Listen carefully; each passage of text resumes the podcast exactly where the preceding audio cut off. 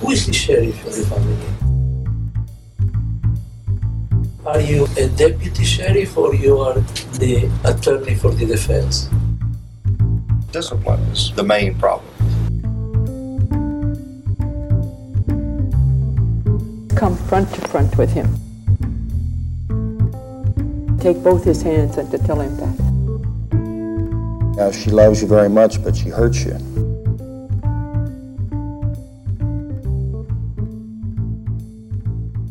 Välkomna till eh, familjeterapipodden. Och, eh, det här är Magnus Ringborg och jag träffar Johan Sundelin. Och det vi ska göra idag är att diskutera en, ett paper, ett utkast kan man väl säga, eh, som Johan kallar för familjeterapeutens inre samtal i den terapeutiska processen. Ja, kul att ha dig här Johan. Ja, tack ska du ha. Och du är ju välkänd för, eh, tror jag, många som lyssnar på det här. Men om man ska säga något kort kring vad är det som är lite sådär Johan Sundelin som familjeterapeut som kännetecknar dig? Ja, det är väl kanske eh, min, eh, min grundutbildning som strukturell familjeterapeut, skulle jag tro. Du var väl en av de som släpade hit den där metoden på allvar eh, när du gick i utbildning hos Minuchin 81 eller? Ja, det var lite, det var tidigare, 79, 80. Ja, okej. Men kan man säga att du började att utbilda folk på allvar 81? Eller? Ja. Det började nästan direkt när jag kom hem där. Och sen hade jag, hade jag, har jag haft ett ben i, inom barnpsykiatrin och ett ben inom utbildning, utbildningsprojekt för familjeterapeuter. Okej.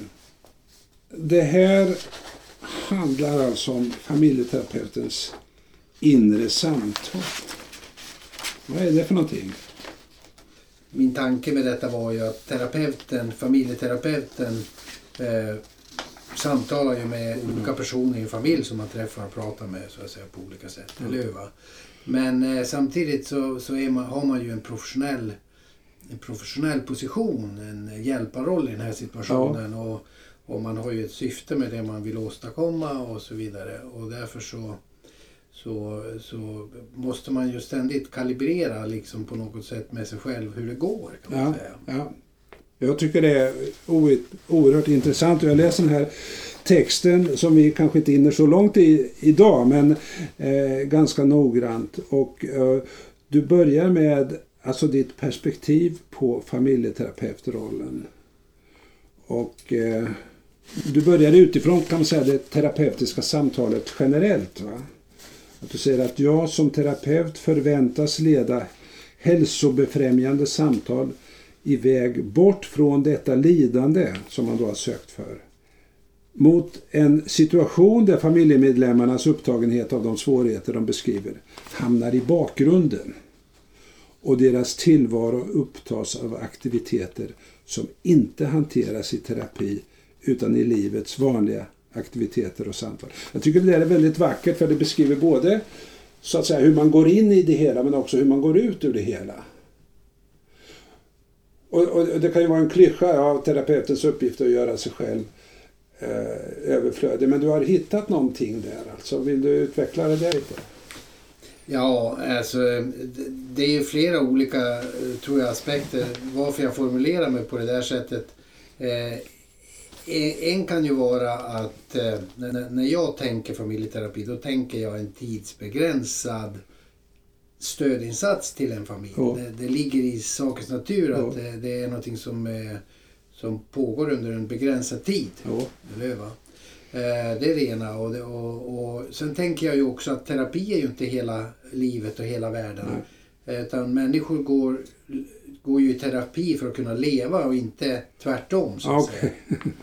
Och, och sen är det ju också ett sätt att ganska tydligt definiera så att säga, omfattningen eller metoden. Ja. Eller hur man ska säga. Att det här är, det här är en stödinsats under, en, eh, under, med, på specie, under speciella betingelser under en speciell tid. Ja, ja. För sen cirklar du in på just det familjeterapeutiska samtalet och där har jag en invändning. För du skriver att, att man försöker aktivera hälsobefrämjande krafter av ett problem i familjen.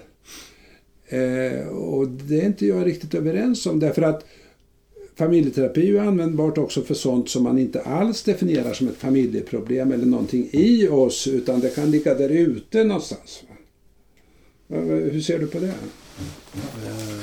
Ja, alltså att det kan ligga ute. Du menar att människor beskriver ett problem som de inte har? Eller hur man ska Nej, men eller som de en beskriver- läkare identifierar ett problem som någon söker för och läkaren kommer inte någon vart med sina konventionella metoder och kanske eh, bedömer att de, de här skulle ha nytta av familjeterapi. Och så kommer de här människorna Ja, till familjen. och de uppfattar det inte alls som ett problem i familjen till att börja Nej, med. jag förstår. Eh, Okej, eh, jag förstår hur du menar. Eh, och sådana situationer kan man ju ibland hamna i att man, man träffas, eh, man träffar en familj och man, man, från början så kan de ha lite svårt att förstå varför de ska sitta där som familj och prata. Jo. Men utgångspunkten för familjeterapeut är ju att ganska så snabbt se om man kan komma fram till en formulering av ett problem som de äger på något sätt. Jo, jo. Men är inte, det, är inte det själva kärnan i det man försöker göra i de kanske i första eller de tidiga samtalen? Absolut. För, för mig är det ju så att okej, en del söker familjeterapi men det är inte huvuddelen utan de tänker sig någon annan typ av lösningar och liksom undrar, oj, det är inget fel på oss, ska vi ha familjeterapi ungefär? Ja, det är ju en väldigt vanlig utgångspunkt att människor kanske söker för att, att ett barn eh, har ett problem. eh, och det är ofta det, en barn eller en ungdom i familjen mm, har någon problem eller beskrivs som ett problem eller har en svårighet på något sätt. Jo, Det är det du menar? ja, ja, visst. visst. Eh, Men jag menar, det måste ju familjeterapeuten hjälpa dem att översätta eller Ja. skapa så att säga en relationell berättelse Ja. av det problemet för att kunna arbeta som familjeterapeut. Mm. Så att där tror jag nog att vi är rätt överens. Fast För det är ju också en konventionell uppfattning menar jag. Därför är det väldigt viktigt att familjeterapi, det är sånt som man har när det finns familjeproblem som från början är definierade Ja, så. Och det menar jag att det är viktigt att gå emot den. absolut, att Ja. det, det, så är det ju många gånger. att Man får ju själv arbeta med det. Att Ja. liksom, det så är det ju många gånger. Det är ju vardag, verkligen. Sen, sen använder du några begrepp här som jag vill att du utvecklar lite grann. Du skriver så här. Förhoppningen är att denna mobilisering utav eh, mod och motkraft skapar bättre förutsättningar för att hitta en väg mot bättre synergi, skriver du, i familjemedlemmarnas ömsesidiga förståelse och bemötande. Och så skriver du också sen bort från symptomets inverterade uttryck för otillfredsställda behov. Jag fattar inte det där riktigt. Okej. Kan du hjälpa mig här, Ja, Johan? Synergi och inverterade, det, det var jag inte riktigt Ja, med precis. Att det att, eh, ordet synergi det betyder ju att det ska, det ska samverka på ett konstruktivt sätt eller optimalt sätt. Att Ja. ett plus ett ska bli tre kan man säga. Okej. Eh, och när man har och, man kan ju se familjemedlemmarnas ömsesidiga samspel som en slags ömsesidig behovstillfredsställelse. Ja, ja. Och så går du vidare. Alltså jag vill hänga upp mig på nästan varenda ord här, Ja, för det är så tätt. va? Du säger också att man skapar förutsättningar för ett samtal i familjen som strävar mot uppriktighet. Är det alltid så, eller hur, hur ser du det? Ja, alltså eh, jag menar familjeterapeuten försöker ju driva idén om, att, om ett ökat mod att Ja. kommunicera Ja. viktiga behov. Ja. Det är det jag menar. Ja, Alltså att man, eh, man, eh, man försöker ju skapa mod att formulera de viktigaste behoven som hjälpa dem att formulera de viktigaste behoven som de har i förhållande till varandra. Mm. Eh, och det är det jag menar med uppriktighet. För jag tänker att den där är en väldigt intressant punkt. Å ena sidan kan man tänka sig, du vet som både du och jag mötte tidig kalifornisk familjeterapi, let it all hang out, allt ska ut. Va? Och så, och så kom man väl på det att det kanske inte var alltid bra i alla lägen att allt skulle ut. Utan att, att det kan vara okej att hålla inne och till och med dölja en del saker. Men normalt sett så döljer man ju rätt mycket i en familj och kanske ljuger mycket. Jag gillar ändå den där formuleringen att sträva mot ökad uppriktighet. Lite mer ärlighet alltså. Ja, framförallt kring det som är väldigt viktigt. Ja, Eh, Jag tror inte att det är något självändamål i att man ska vara konsekvent och 100% Nej. uppriktig. Det Nej. tror jag kan bli mer skada än nytta. nej, Men jag tror, jag, tror jag, jag har en idé om att man hjälper människor att att kunna berätta för varandra de viktiga sakerna. Okej. Eh, och, ja, och då skriver jag ju att det, det är ju en balans mellan att hjälpa familjen att utmana dem åt det hållet samtidigt som man måste så att säga hjälpa dem att eh, man måste validera dem eller man måste bekräfta dem också i den svåra situation de är. Eller? Mm. För sen skriver du också att, att upprätthålla en tilltro till de nära relationernas kraft. Eh, och, det tänker jag väl är oerhört centralt. För det är inte det många av de här familjerna som kommer, kommer till oss. Alltså att det sviktar där. Va? Ja, det är ju det de har tappat ofta, Ja. tro på det så att säga. Och det är ju det man försöker mobilisera då. Det är ju det som är specifikt för familj i familjeterapi. Ja, Just att man försöker göra någonting av de närmaste relationernas eh, kraft. Kan man säga.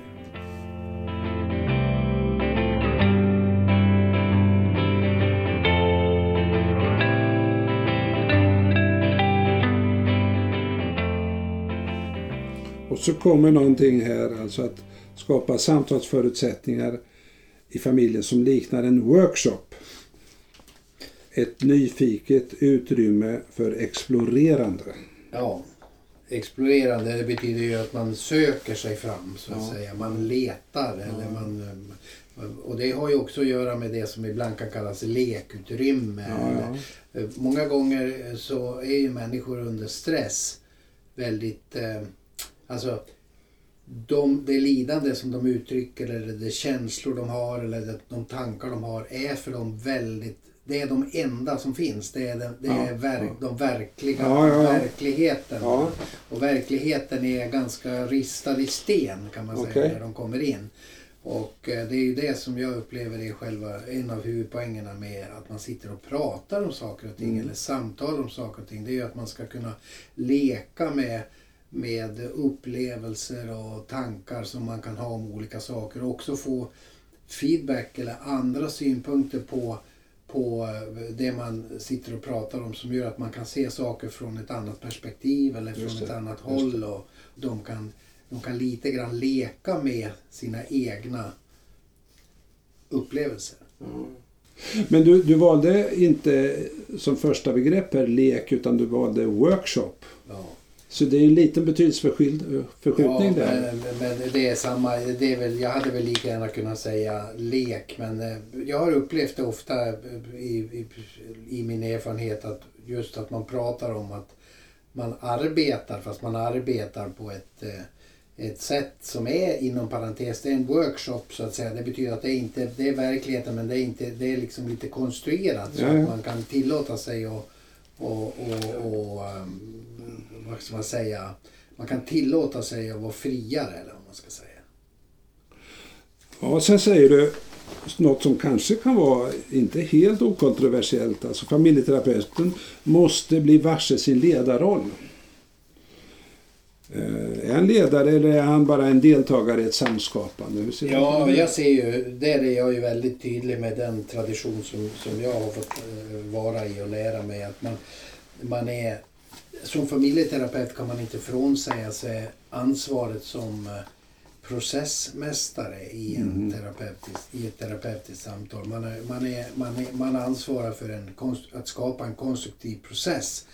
Eh, och man leder därför samtalet i riktning mot att det ska vara konstruktivt och bra. Så. Mm. Och sen, sen kommer du till, och där anar jag din så att säga, strukturella bakgrund. Där, om, vi, om vi går tillbaka till Minuchin så han pratar om hierarkier och han skiljer, skiljer på föräldrasystem och barnsubsystem och sånt där. Att du skriver ansvaret för de äldre i familjen handlar om eh, självreflektion, omprövning och ett alternativt perspektivtagande. Medan de yngre får hjälp att uttrycka sitt behov av närhet och utrymme. Är det så absolut att de äldre ska göra det och de yngre det? Nej, det är det inte. Men det är ju inte en, det ska ju inte vara en jämlik ansvarsfördelning i en sån här situation. Det är ju när man, framförallt när man arbetar med, med familjer där det finns yngre familjemedlemmar, barn eller tonåringar och också Mm. deras föräldrar så är det ju definitivt en, en situation i ett bra samtal. Att man har som förälder och barn lite olika roller visar Ja. i själva terapin. Då.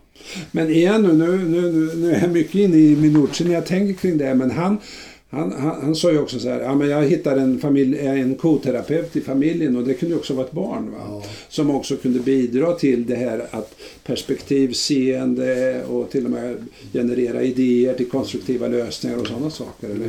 Och det kan man väl göra så småningom. Vad- Vad jag syftar på här är väl att man i första hand jag vet en del föräldrar kan ju säga om han bara ändrar på sig Ja. så ska jag nog Ja. kunna eh, vara en schysstare förälder. Okej. Alltså det är väl mera det jag vill vara tydlig med att, eh, att eh, man måste arbeta med det är förälderns ansvar att, att först vara generös i den här situationen och acceptera idén om en workshop för sin egen del så att säga. Och, och det här är någonting som beskriver att det kan vara särskilt viktigt att man har den utgångspunkten i början av en terapi. Ja absolut och det blir ett etiskt ställningstagande för terapeuten tycker jag.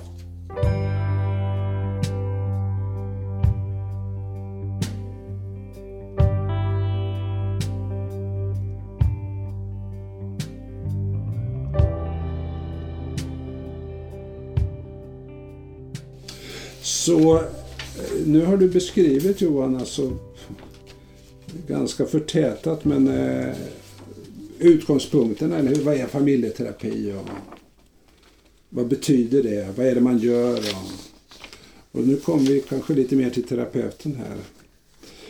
Eh, du pratar om compact competence, vad är det för någonting? Ja, det är ett uttryck eh, som jag brukar använda för att eh, eh, försöka belysa att om man, om, alltså den, den kunskap som terapeuten har, eh, den har, ska ju terapeuten i bästa fall bära med sig in i, terapi, i, det, terapeut, i det familjeterapeutiska samtalet. Och det spelar ingen roll hur, hur mycket man har lärt sig utanför om man, när man väl kommer in i den här situationen. Ja, man glömmer allting. Och därför måste, har jag bilden av att man har en ryggsäck med sig. Välpackad ryggsäck med eh, det viktigaste man har lärt sig. Som man alltid kan ha nära kroppen, som man alltid kan plocka fram i, i, i samtalet. Då, va? Men är det inte tvärtom? Alltså att du ska ställa ifrån dig den där ryggsäcken och gå in som en icke-vetande? Alltså det handlar kanske inte om, det handlar kanske inte om den typen av vetande utan det handlar om, eh, det handlar om eh, att, att ha kontakt med mig själv kanske. Att veta hur jag förhåller mig till mig själv. Att veta hur jag gör. Att känna, ha självkännedom om min egen stressnivå. Eh, ha självkännedom om min roll i den här situationen. Eh, om mitt uppdrag i den här situationen. Om min ambition att hjälpa de här människorna. Om klarhet i att de kommer till mig och att inte jag kommer till dem. Och att jag har någon idé om hur jag ska orkestrera den här situationen Okej. på något sätt. Det är compact Det, det, kompetens. det är den kompetensen som jag behöver ha med mig närmast kroppen och aldrig tappa. Aha. Så vad har man för olika vägar att, när man nu väl kommer in i, du har tagit med dig den där ryggsäcken, din kompakta kompetens och så sitter du och så möter du en familj och då har du några olika vägar att få, att få information. Vad är det? Ja, eh, det, det, man börjar ju, man, man brukar ju ofta ställa frågan till människor som kommer. Vad, vad är det som för er hit? Vad, vad, Mm. vad, vad är det ni tänker att, att ni vill, skulle vilja använda den här situationen till? Mm. Och då börjar de ju vanligtvis berätta i någon ordning på något Ja, ja. sätt. Eller hur? Och det är, ju en, det är ju ett sätt, det är ju en kanal att, Ja. få, att få informationen. När de berättar, de, de, de ger en beskrivning, en berättelse och den kan ju oftast vara mer allmänt hållen eller kanske framförallt från början fokuserad kring något problem och Och det är innehållsnivån där. Ja. Det är sakinformation ja, kan man säga. absolut. Okej. Det, är, det, är, det är ju storyn så att Ja. säga. Men eh, samtidigt som man, eh, man, man, hör dem, man hör vad de berättar Mm. så är man ju som familjeterapeut eh, väldigt, försöker vara observant på hur den där historien berättas, eller hur? Va? Och det är ju det vi kallar processnivån då. Alltså vem berättar vad och hur förhåller sig de andra till den här personen? Säger man emot eller låter man den personen prata? Eh, hur sitter man i rummet när man presenterar det här? Hur Och det här man kan gå vilse, eller hur? Alltså därför att när man börjar ett samtal så blir man ju översköljd utav så mycket information på, på så många nivåer. Hur kan den här lilla ryggsäcken hjälpa en där? Ja, det, det- det, handlar ju om kanske att, att, att, vara, att, att, att, vara påmind, att påminna sig själv om att, att, eh, och att det händer saker på flera olika nivåer här. Och eh, det gäller att, eh, att eh, ha, kunna försöka ha uppmärksamhet på, på båda de här nivåerna samtidigt. Ja. Man, behöver ju inte, man kan ju lagra informationen från början. Man behöver ju inte alltid hantera det öppet. Eh, eh, Och inse, eller hur, alltså ha en ödmjuk inse. Ingen människa klarar av att ta in all den där informationen utan det är väl det vi har våra teorier till också. Att, att, att sålla i de här äh, mängden av information. Vad är det som är relevant och vad är det som är ir- irrelevant? Vad i den här innehållsnivån som du säger är det särskilt viktigt att jag lyssnar till och kommer ihåg? Och vad är i den här processnivån som min teori säger mig att jag behöver notera? Eller hur? Ja, absolut. Och jag menar, det där, så är det ju att man... eh, Man, eh, man börjar ju... Så, alltså som familjeterapeut är man ju åtminstone som familjeterapeut som jag i skolan så, så börjar man ju liksom lägga ett pussel eller försöker liksom att sortera in den här informationen i någon karta som man har på något vis och försöker skapa sig någon slags gestalt över, över, över eller förståelse, sammantagen förståelse Ja, ett slags mönster eller vad man ska säga. Eller- Men kan man säga att, att ändå tidigt i så att säga, träningen till att bli familjeterapeut, att lära sig att inte bli översköljd av innehållsnivån utan också lära sig att, att urskilja den här processnivån. Ja, absolut. Eh, För mig, för mig är ju det egentligen... eh, Det är ju egentligen...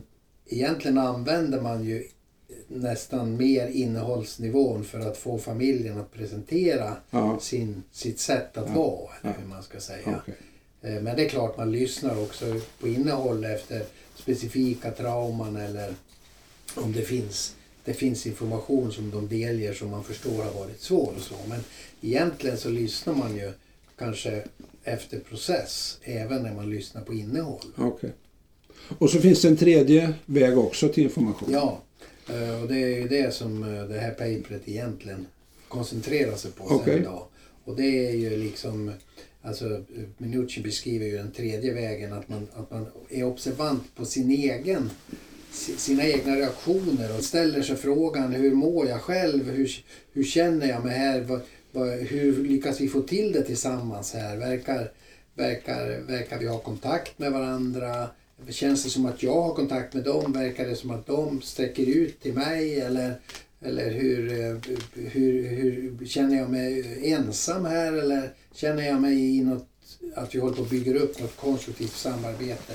Allt det här är ju liksom också information. Känner, jag, känner jag igen mig själv Ja. till exempel? ja. Eller tycker jag att jag känner mig begränsad här? Börjar jag känna mig svag? Eller börjar jag känna mig oduglig tillsammans med de här människorna? Eller vad är det för, vad är, vad är, hur, hur, hur verkar jag funka själv? När- du berättar det så kommer jag att tänka på en, en sån central uppsats av Gianfranco Cecchi när han pratar om eh, nyfikenhet, den här stora uppsatsen. Och, då, och han beskriver lite grann också den här kunskapsvägen utifrån då Milanoskolans erfarenheter. Eh, när han pratar om att när jag kommer på mig själv i ett familjeterapeutiskt samtal och sitta och dagdrömma om jag hade, skulle ha ett annat jobb istället. Jag tycker det är rätt humoristiskt. Va? Men är, är det någonting utav det du far i, efter också eller?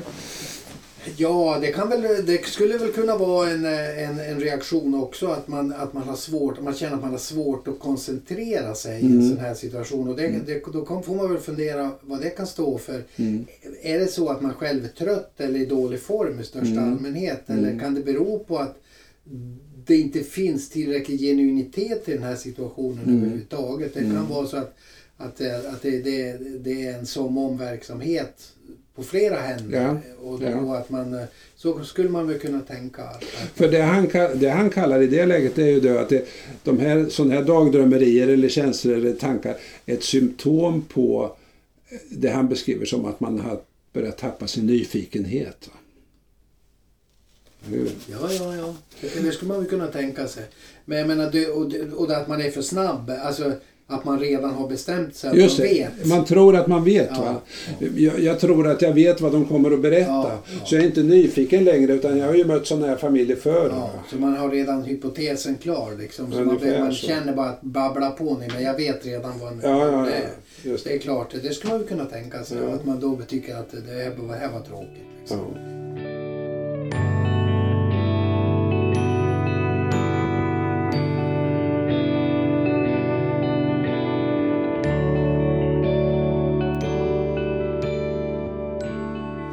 Du, du använder några ord här. Eh, Det, här ligger nära begrepp som inkänning, affektsmitta, intersubjektivitet och överföring, motöverföring. Och det här är ju ord som inte alltid är så vanliga i familjeterapeutiska sammanhang. Hur, hur ser du det där? Ja, alltså ehm, jag läste eh, eh, för många, många år sedan en väldigt intressant artikel som hette som var publicerad i den här tidskriften som heter Family Therapy Networker. Ja, Jag vet inte om den finns kvar. eh, den heter ju. Psychotherapy Network nu. Okej. Men det är Richard Simon fortfarande som skriver den och det är samma anda men, men det är mycket bredare då. Okej, okej. ur- Kan man säga. Eh, Det fanns i alla fall en artikel där som jag minns att jag, jag, jag läste och använde mycket, eh, både för egen del och i utbildningen. Den hette In Praise of Countertransference. Ja, Eh, Och det var första gången som jag, jag kom i kontakt med Ja. ett perspektiv på, på motöverföring. Eh, s- s- eh, ungefär som att, eh, att eh, det är klart att det finns ingen bra terapi som inte har moment av motöverföring. Som inte har moment av att man börjar hamna i resonans med varandra. Alltså, men vänta nu här. Vänta nu här. Motöverföring. Jag vet ju att man använder det som en viktig Eh, informationskälla i psykodynamisk terapi naturligtvis. Men på ett sätt är det ju en störning. Det vill säga det är, en, det är ett hinder eh, mellan terapeuten och klienten eller familjen. Mina så att säga egna erfarenheter lägger jag på dem på något sätt. Men du säger att det finns ingen bra terapi som inte har det. Nej, och det är ju det nya. Det var ju det, och det är ju det nya nu. Även psykoanalysen har ju utvecklats åt det hållet att man ser mer så att säga det terapeutiska innehållet som en, en samskapande Ja. process eller skam, samskapande produkt mellan terapeut och, och klient. Så att man har ju lämnat det där väldigt, det där är ju ett, ett väldigt ett eh, vad säger, traditionellt perspektiv på motöverföring som bara någonting negativt. Ja. Men numera så beskriver ju även psykoanalysen, har jag förstått. eh, Jo, jo. eh, Att det, det finns alltså ingen bra terapi. Eh, Det, det går inte att åstadkomma en, en bra terapi med, med stor förståelse och inkänning så att säga från terapeutens sida till klienterna med mindre än att det blir moment av motöverföring. Poängen är att kunna identifiera den där motöverföringen och kunna, kunna Men du menar den. alltså att det är så att, att när så att säga, engagemanget blir så stort på båda håll så måste terapeuten gå in med större delar utav sin personlighet och då aktiveras det här också. Ja, ja. Hans eller hennes erfarenheter och, Ja, och det kommer att det, spegla. går, li- det är bara det, det, det är ungefär så att det det är klart det går inte att göra det utan att det blir så. Nej. Delvis. Det- Poängen är ju att inte låta sig förföras av, av de där krafterna eller kunna vara medveten om dem och kunna använda det som händer som information först i sig själv. Men möjligen också som information som man kan dela i, Ja. i rummet och med klienterna. Eller hur? Psykoanalytikerna pratar om att lyssna till det tredje örat till exempel eller se på sig själv utifrån. Och, alltså är det det det handlar om att både tillåta sig att känna detta och sen att kunna observera det utifrån. Ja, eller? precis. Det, det, det är väl ungefär så. Det låter väl bra. Vi är ju inne i vad som händer i själva samtalet i det här intensiva mötet och, och, och den här informationen som då terapeuten får, får inifrån. Och eh, ska vi hoppa till vad man kan göra inför det terapeutiska mötet så tar du upp här eh, du skriver om sambandet mellan god kontakt och information före första samtalsträffen. Det här är ju tycker jag väldigt spännande. För vanligtvis pratar vi om inledning av första samtalet och så vidare. Men det här, vad som händer innan, eh, berör vi ju inte så ofta. Vad, vad, vad tänker du det? Nej, jag- det där har jag tänkt på många gånger genom åren. Att man, eh, man, man, eh, man går ju in till det första mötet med ganska knapphändig information. Man Jo. har oftast en kort formulerad remiss kanske. Ja. Eller så som man har. Men vi är ju skapta på det sättet vi människor att i brist på information så fyller vi den gärna med egen. Vi Ja. fyller ut ja. informationen så att Ja. säga. Och det är väl mera det att jag, jag, jag skulle vilja signalera en slags varningsflagg för att, att man ändå reflekterar lite grann utifrån den information som man har fått på en remiss. Att man ställer sig frågan själv. Vad är det för människor jag tror att jag ska träffa? Mm. Hur ser de ut? Mm. Vad, vad, vad, vad, vad får jag spontant för idéer om eh, eh, hur, hur utbildade de är? Eh, hur smarta de verkar vara? Hur, eh, hur, eh, vad de kommer från för socialgrupp? Eh, vad de kan tänkas ha för resurser att hantera den här situationen. Och, och jag kommer på mig själv att jag har en ganska tydlig bild på ganska magert material många gånger om jag inte har ställt mig de här frågorna och sagt, sagt till mig själv passar det? Aha. Lugnar det? Aha. Och bildar det? Så du, du, du inventerar så att säga dina förföreställningar för att också kunna befria dig från dem Ja. och vara mer öppen när du går in där. Ja, precis. För, för där tänker jag då också på Milanoskolan där, där de pratade om hypothesizing som ju är eh, ett sätt att försöka skapa hypoteser i- en, en eh, terapiprocess. Men de var ju också noga att ha den här eh, en slags brainstorming om olika hypoteser före det första mötet. Och, och där de eh, utgick ifrån just de här små minimala informationsbitarna egentligen som hur lät de i tele, den som ringde i telefon och eh, s- små, små detaljer alltså. Och att bygga upp lite, vad ska man säga, inte luftslott men i alla fall stories utanför det. Men det viktiga då som, som de också betonade var ju att man inte bygger upp en historia Nej. utan två eller tre. Ja, precis. Och det, var, Så- väl- ja. det var väl det som var poängen. Att man, man vaccinerar sig själv genom att ha flera olika tänkbara alternativa berättelser. Ja. Som man skulle kunna gå och leta hypoteser i så att säga. Och det är ju samma grej kan man Ja. säga. Ja. Eh, eh, Det är ju samma grej. Att man, eh, att man försöker befria sig genom att ha tänkt färdigt de här tankarna och sen ja, låta sig överraskas. Mm. Man ska säga. En annan grej tänker jag som hör till förberedelse före första mötet. Nu är ju fokus det här hur terapeuten tar hand om sig själv och förbereder sig. Men, men, men det är ändå något som, som går upp. Hur förbereder vi våra familjer på bästa sätt inför det första mötet? Har du någon tanke kring det? Eh, det har jag säkert, men inte så här spontant att jag, att jag, eh, att jag tänker mig. Men det, men det vore väl, det skulle man väl mycket väl kunna föreställa sig att, eh, att de, de, de fick några de fick någon eh, uppbygglig fråga. Att, att, Ja. Vad tycker ni vore viktigast att berätta vid det första mötet? Ja. Eller något sånt där. Ja, just det. För jag tänker på erfarenheter från korttidsinterventioner inom barn och ungdomspsykiatrin till exempel. Där det visar sig att, att för att kunna få en kompakt och effektiv korttidsprocess så var det här själva, precis det du säger, att skicka hem vissa frågor som förhoppningsvis alla hade tagit del i. Vad är det största problemet för dig just nu? Och vilka, vilka försök till lösningar har ni prövat? Och bara det så att säga, ställer de in på en viss våglängd. Precis. Och, och en annan sak som jag tror man ofta underskattar, för alla vet vi att om, om en familj och en klient kommer in med höga förväntningar och så att säga en, en positiv för, föreställning om den här terapeuten eller institutionen de ska möta så är det en väldigt positiv eh, faktor i det hela. Eh, och det handlar om alltså vad, vad bygger vi upp för image och förväntningar i förväg då.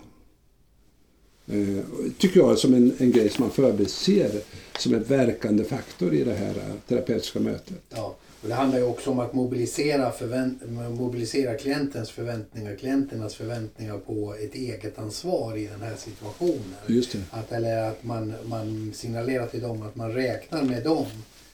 Man räknar med dem i processen. Alltså det är ju, Ja, ja, det är ju väldigt vanligt att människor har en annan mer traditionell idé om man går till sjukvården och, och ska bli, man ska konsumera vård så att säga. Just man går till experter. Så typ de frågorna signalerar ju det, eller hur? Ja. Vad anser du var största problemet och vad har du prövat? Absolut. Ja.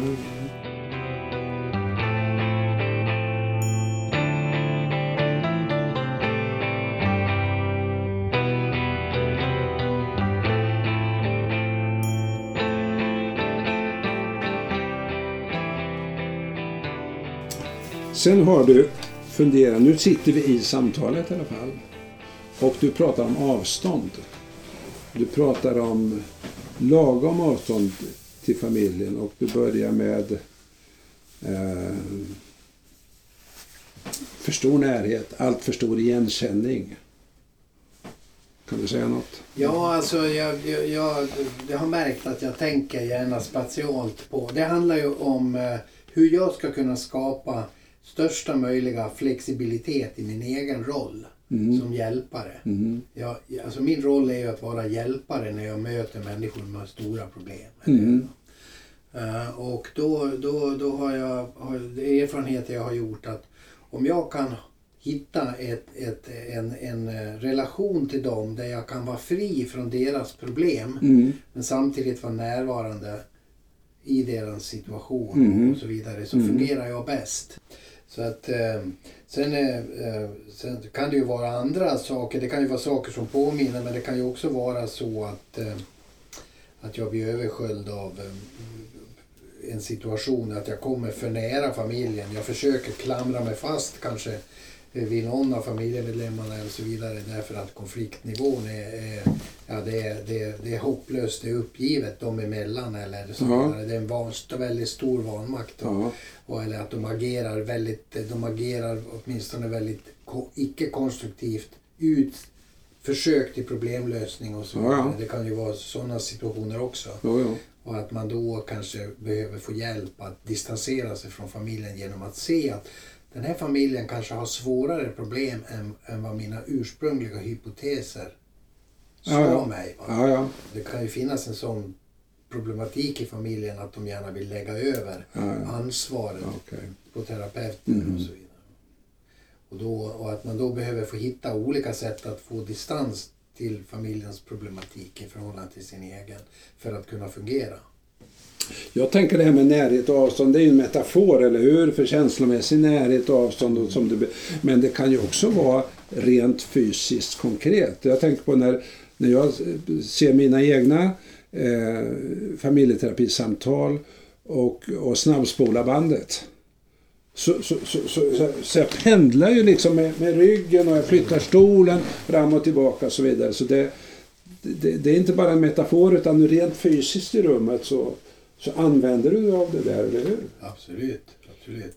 Det har jag ju skrivit om också, om det här med, Ja. det kallas ju affektsmitta. Ja, ja. Eh, Och att man måste försöka se om man kan komma ur den där smitto, smittozonen så att säga. Eh, och det är ju när det blir för nära, eller hur? Distansen kan också vara för stor. Ja, eh, och det är ju då, det, det, det är ju problemet tvärt emot att jag, jag, jag, jag, eh, jag känner att jag har ingen kontakt med de här människorna. Jag förstår dem inte eller jag tycker illa om dem eller jag, jag, eh, jag känner att jag, eh, vi, är inte samma sort liksom. Eller hur? va? Och det kan ju vara så att de har, de har en annan kanske en, en annan ideologi eller lever på ett helt annat sätt än vad jag gör. Och, och dessutom kanske jag tycker någonstans att de lever fel eller hur man ska säga. Kan det också vara det när, när man börjar klistra diverse diagnoser när man, medan man sitter på de olika familjemedlemmarna? Ja, alltså diagnosen som språk är ju intressant. För diagnosen kan ju användas för att skapa distans. Mm. Och diagnoser, eh, för mycket diagnoser kan ju skapa för mycket distans. Okej. Eller hur? Va? Ja. menar, eh, ett- om, om du har en familj med eh, mycket konflikter och, och, och runt ett barn då, som, som har stora svårigheter och barnet kanske får en diagnos, eh, ADHD-diagnos, så kan, den ju i bästa, kan ju diagnosen i bästa fall hjälpa föräldrarna att mobilisera Ja. och försöka utveckla. Att komma nära, att Ja, förstå, förstå att bättre dela. och orka och så. Ja. Istället för att vara skuldbelagd Ja. och man gör fel och så vidare. Så då, då, då, då skapar, ju, skapar ju en diagnos en, en, en, en, en bättre distans så att säga eh, Ja. i familjen och Ja. även mellan terapeut Ja, och familj, eller hur? va?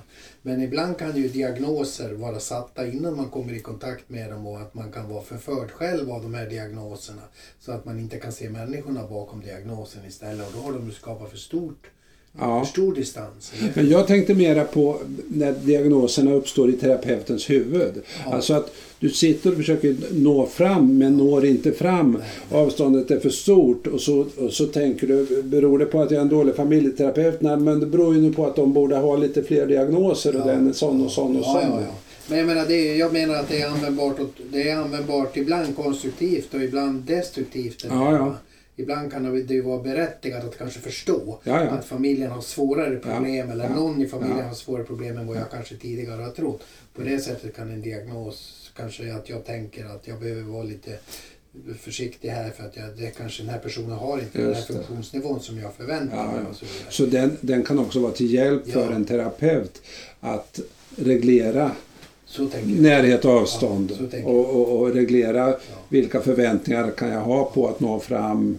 Men jag menar, det finns ju, annat, finns ju ett annat, förutom det där ansvaret så har man ju ett ansvar som terapeut att citat, tycka om sina klienter. Alltså det, för att man ska kunna fungera bra som terapeut så måste man ju i någon mening känna in eller förstå klienterna eller tycka om dem på något sätt. Eller tycka om, alltså att förstå liksom med inkänning att de har valt att göra det de gör därför att det har varit deras bästa val så att säga. Eh, Så att eh, det är ju en balans där mellan, mellan ett ansvar att eh, vara kliniker och ett ansvar att kunna förmedla medmänsklighet. Mm. vad ska säga.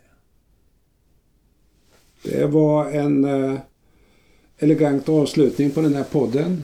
Eh, Johan, när du säger att en familjeterapeuts ansvar är att tycka om sina klienter. Det är verkligen en utmaning.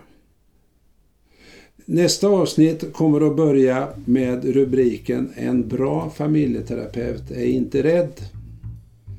Välkomna tillbaka till nästa avsnitt i familjeterapipodden och tack för att du kom hit Johan. Tack ska du ha Magnus.